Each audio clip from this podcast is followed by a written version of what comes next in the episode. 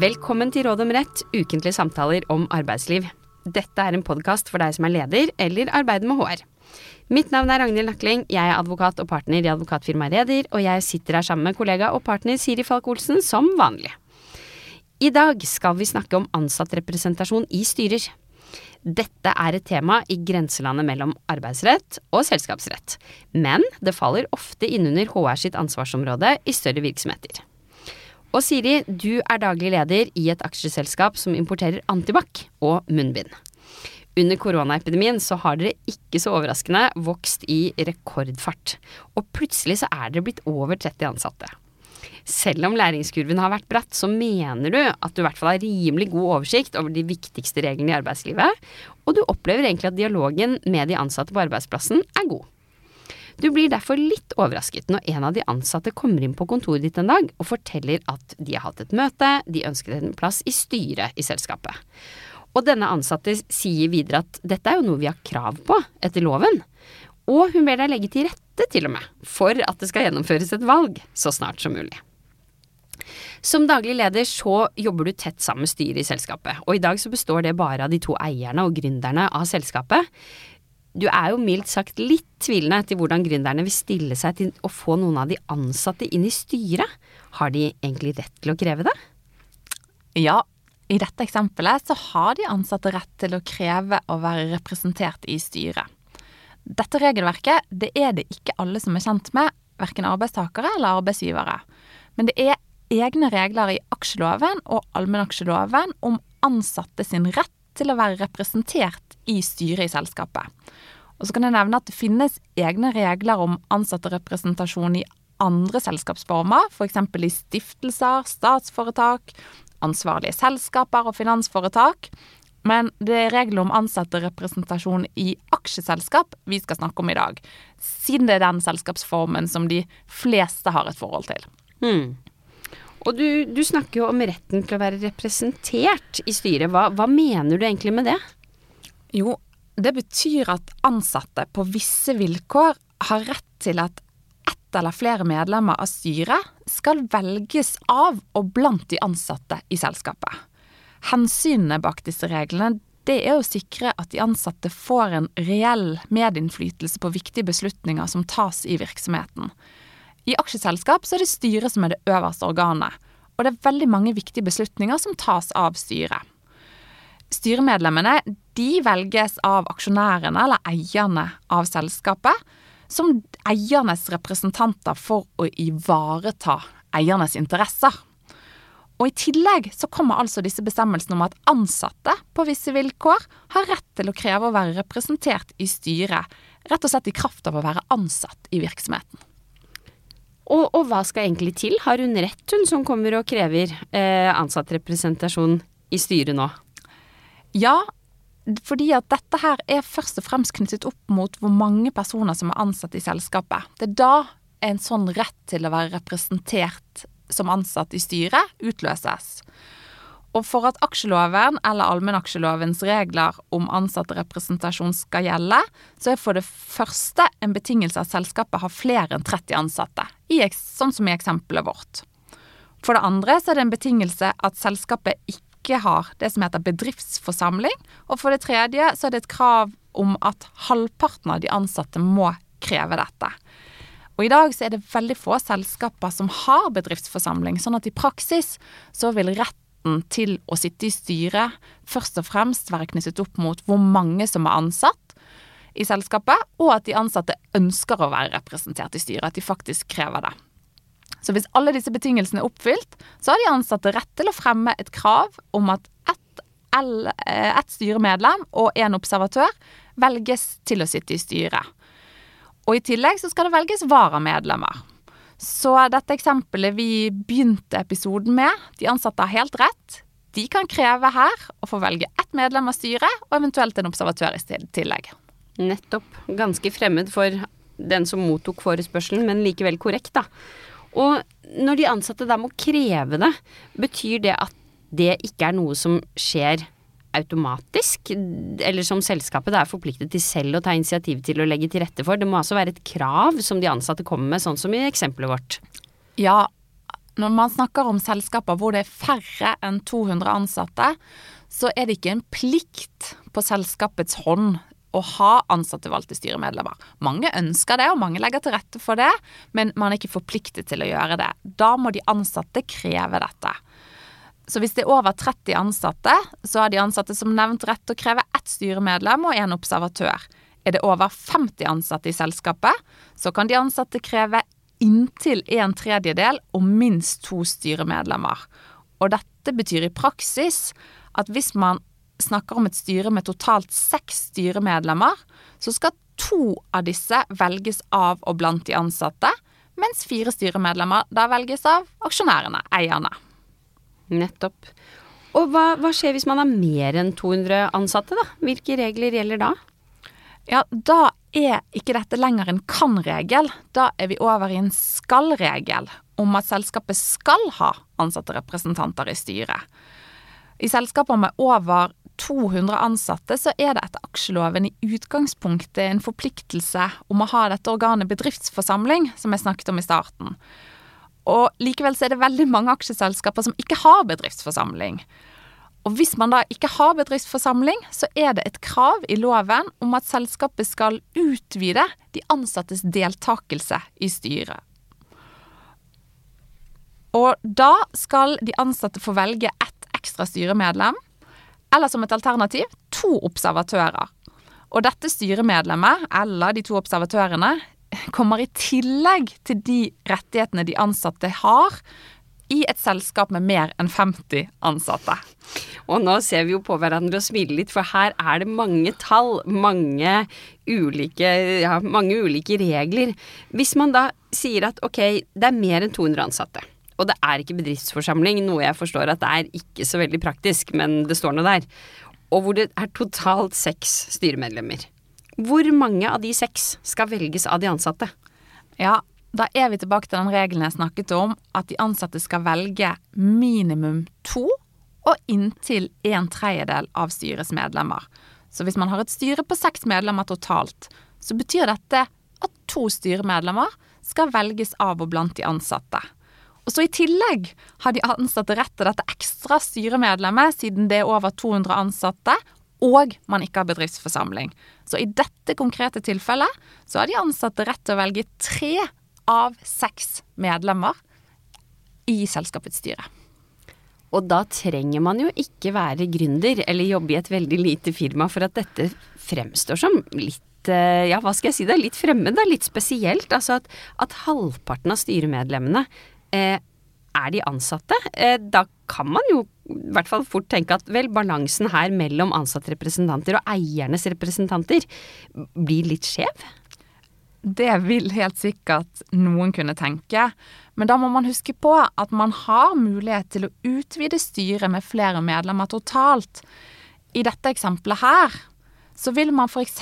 kunne utvide styret til inntil åtte medlemmer totalt, uten at det vil utløse en rett på flere ansattevalgte styreplasser. Så hvis man har åtte styremedlemmer totalt i et selskap med over 200 ansatte, som ikke har bedriftsforsamling, så vil det fortsatt være to ansattevalgte styremedlemmer som følger den regelen som jeg snakket om at inntil en tredjedel skal velges av de ansatte. Og så i tillegg kommer dette ekstra styremedlemmet fordi at selskapet har eh, over 200 ansatte og ikke bedriftsforsamling. Sånn at for å oppsummere at i et styre med totalt åtte styremedlemmer, så vil de ansatte i dette tilfellet fortsatt kunne ha rett på tre av de totalt åtte plassene. Mm. Fortsatt så er det jo en, en ganske betydelig andel. Og jeg har jo i hvert fall opplevd at det hos noen da, klienter er en, en viss skepsis mot disse reglene. Er, er det en erfaring du, du også har gjort deg? Jo, det er ikke helt uvanlig at det kan være en, en viss skepsis mot å gi ansatte en plass i styrerommet. I Norge så har vi hatt regler om ansattes rett til å velge styremedlemmer helt siden 1973. Men det er derimot ganske mange andre land, særlig i Europa, som ikke har tilsvarende regler, og de har i hvert fall ikke like lang erfaring med disse reglene som i Norge. Så utenlandske eiere av norske selskaper kan ofte opplever at disse reglene er fremmede, og det kan være en viss sånn usikkerhet rundt hvordan dette fungerer i praksis. Og det skyldes kanskje først og fremst at man ikke har erfaring med hvordan reglene fungerer, og at man i mange andre land har en tradisjon for at det kun er eierne som eh, har en plass i styrerommet. Mm. Og da er det jo en, igjen min erfaring i hvert fall, det er jo at det er jo en, en form for pedagogisk øvelse også å, å, forklare dette til sant, utenlandske klienter som i, kanskje ikke i noen grad, eller i hvert fall i svært liten grad, kjenner til hvordan norsk arbeidsliv fungerer, samarbeid mellom arbeidsgivere og arbeidstakere, organisasjoner osv. Hva, hva tenker du? Det, tenker du at det er grunn til å være skeptisk, eller at fordelene veldig oppveier ulempene?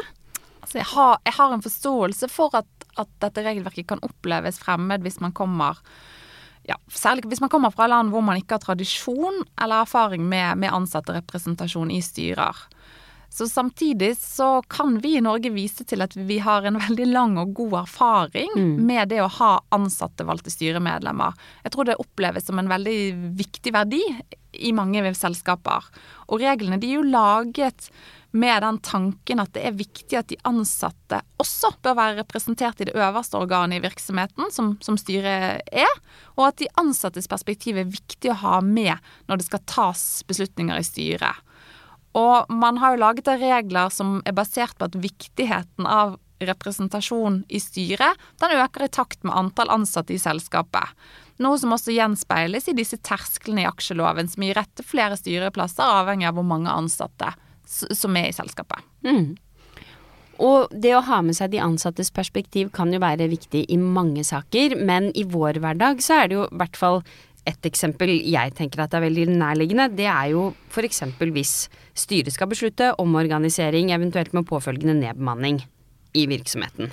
Ja, det vil jo absolutt være viktige beslutninger som skal tas av styret, og hvor ansattevalgte styremedlemmer vil kunne ha veldig viktige perspektiv og innspill.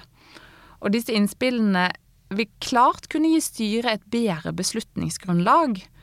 Men jeg tenker også andre styrebeslutninger som går på drift, strategi, ja, økonomispørsmål, de vil jo veldig ofte bli bredere belyst hvis man har ulike perspektiver inn i disse beslutningene. Og så er det viktig å legge til at det betyr jo ikke at ansatteperspektivet alltid vil få gjennomslag. Tvert imot så vil jo de aksjonærvalgte styremedlemmene gjennomgående ha flertall når beslutninger skal tas. Men det er et viktig prinsipp at de ulike perspektivene skal høres da, eh, før beslutninger tas i styret. Mm. Og disse ansattvalgte representantene, kommer de med noe bundet mandat? Er de forpliktet til å bare fremme de ansattes interesser, f.eks. i styrearbeidet? Nei, og det, det skal de absolutt ikke gjøre. Det er veldig viktig å huske at det å være ansatte-valgt styremedlem, det er noe helt annet enn å være tillitsvalgt i en bedrift. Så de ansatte-valgte styremedlemmene de har de samme rettighetene, men ikke minst de samme pliktene som andre styremedlemmer. Og man skal som styremedlem ivareta selskapsinteressen. Man skal ikke være talerør for de ansatte. Og dette ansvaret er det veldig viktig at de ansatte valgte styremedlemmene er bevisst når de påtar seg eh, rollen som styremedlem. Og det gjelder særlig i de tilfellene hvor ansatte valgte styremedlemmer også har en rolle som tillitsvalgt i virksomheten. I en del virksomheter så vil jo det kunne være de samme personene som er tillitsvalgte, som også velges som ansatte valgte styremedlemmer. Det er jo ofte personer med et stort engasjement internt i bedriften. Og når man da har begge disse rollene, så er det ekstremt viktig at man har bevissthet rundt at det å være tillitsvalgt er noe helt annet enn å være ansatt og valgt styremedlem. Mm. Kan du gi et konkret eksempel på når det kan være i hvert fall veldig viktig å huske på, kanskje også litt utfordrende å huske hvilken hatt man har på seg? Har man ansattvalgt eh, styremedlem, eller har man tillitsvalgt hatten på seg? Ja, da syns vi kan gå tilbake til, til, den beslutningen om kostnadsreduksjon gjennom nedbemanning, som styret ofte må ta. Og Det vil jo gjennomgående oppleves som vanskelig fra et ansatt perspektiv, siden det betyr at mange mennesker vil kunne miste jobben. Men fra et virksomhet- eller selskapsperspektiv så vil det likevel mange ganger være riktig og noen ganger helt nødvendig å redusere kostnader gjennom en bemanningsreduksjon. Og da vil de ansatte valgte styremedlemmene som en del av selskapets styre være i den situasjonen at, at det er riktig å beslutte nedbemanning, og det til tross for at det er en beslutning som, som vil ramme mange av de ansatte hardt. Mm. Mm. I eksempelet vårt så er det jo en person som skal starte med dette for første gang. ikke sant? For første gang skal man få på plass ansattvalgte styremedlemmer. Og hvor begynner man da, hvis man aldri har vært borti disse reglene? Hvor står dette med tre av seks, tre av åtte osv.? Ja, de reglene knyttet til antall, de står i aksjeloven eller allmennaksjeloven. Men hvis man tenker på dette med valg, hvordan skal man få det på plass, så fins det en egen forskrift som heter representasjonsforskriften, som oppstiller ganske sånn detaljerte regler om valg og valgprosessen. Og der finnes det regler om at man skal ha et valgstyre, det er frister ved gjennomføring av valget, det sier noe om hvor ofte valg skal gjennomføres, måter for gjennomføring av valget, og noe om hva slags avtaler som kan inngås mellom arbeidsgiver og arbeidstakerne, f.eks. om det man kaller for konsernordninger, hvor det er flere selskap og flere styrer i et konsern hvor det skal være ansatterepresentasjon. Så det mest sentrale hensynet i dette regelverket, det er at det er de ansatte som fritt velger hvem som skal sitte i styret, og at dette valget skal gjøres av og blant de ansatte alene. Så ledelsen, arbeidsgiver, kan ikke bestemme eller påvirke dette valget ut ifra hvem man tenker kan være egnet for et sånt verv. Mm. Veldig mange ganger på arbeidsrettens område så forholder vi jo oss til, hva skal vi si, overskrifter som vi advokater eller de som skal bruke loven da, ledere, HR-personale, fyller med innhold, vurderinger i min erfaring i hvert fall, er jo at representasjonsforskriften faktisk er noe av det mest sånn detaljerte som vi er inne på på arbeidsrettens område. Ofte tenker jeg at kanskje det er sånn utenlandske kollegaer har det, som har mye mer lovfestet det skal gjøres sånn, sånn, sånn, sånn, sånn og sånn og sånn. Um, og det kan jo på noen måter så kan det kanskje være ja, litt enkelt og greit, da. Her er det en oppskrift, men samtidig så er jo min erfaring, og jeg tipper også din, er at det er jo ganske mange virksomheter som opplever de reglene som ganske detaljert og kanskje litt tungvint. Har du noen tips til dem når de skal inn i dem for første gang? Ja, jeg er for så vidt enig i at det er ganske detaljerte regler knyttet til dette med hvordan valg av ansattrepresentanter skal gjennomføres. Samtidig så er disse reglene utarbeidet for at valg skal gjennomføres på en god og ordentlig måte, og for å sikre demokrati på arbeidsplassen. Og det er også rom for å gjennomføre valg med kortere frister hvis det er behov for det, og hvis det er enighet i virksomheten om at valgprosessen skal forkortes. Og i dag så er det også veldig gode løsninger for at valg kan gjennomføres elektronisk, i form av Questback osv. Mm. Så min erfaring det er likevel at de aller fleste virksomheter, også de som ikke har gjennomført valg tidligere, sånn som i eksempelet vi startet med, de håndterer dette på en god måte. Og hvis vi skal oppsummere, Siri, som vanlig, hva er dine tre viktigste tips til arbeidsgivere når det gjelder tema ansatterepresentanter i styret, og da kanskje særlig til virksomheter som ikke har erfaring med det fra før? For det første så tenker jeg at det er viktig å anerkjenne hensynene bak dette regelverket. At dette er regler som er laget for å sikre de ansatte reell medinnflytelse i viktige beslutningsprosesser, og at ansatte valgte styremedlemmer bidrar med viktig perspektiv når beslutninger skal tas i styret. Og for det andre så er det viktig at valg gjennomføres i tråd med regelverket. Les denne representasjonsforskriften og følg reglene når man skal gjennomføre et valg. Og til slutt Sørg for opplæring av nye styremedlemmer med hensyn til hva rollen som styremedlem innebærer, og hvordan et styre arbeider. Og det gjelder særlig for nye ansatte valgte styremedlemmer som ikke tidligere har erfaring fra denne type arbeid. Det var det vi hadde. Takk for i dag. Vi kommer tilbake med nytt tema og nye tips i neste episode.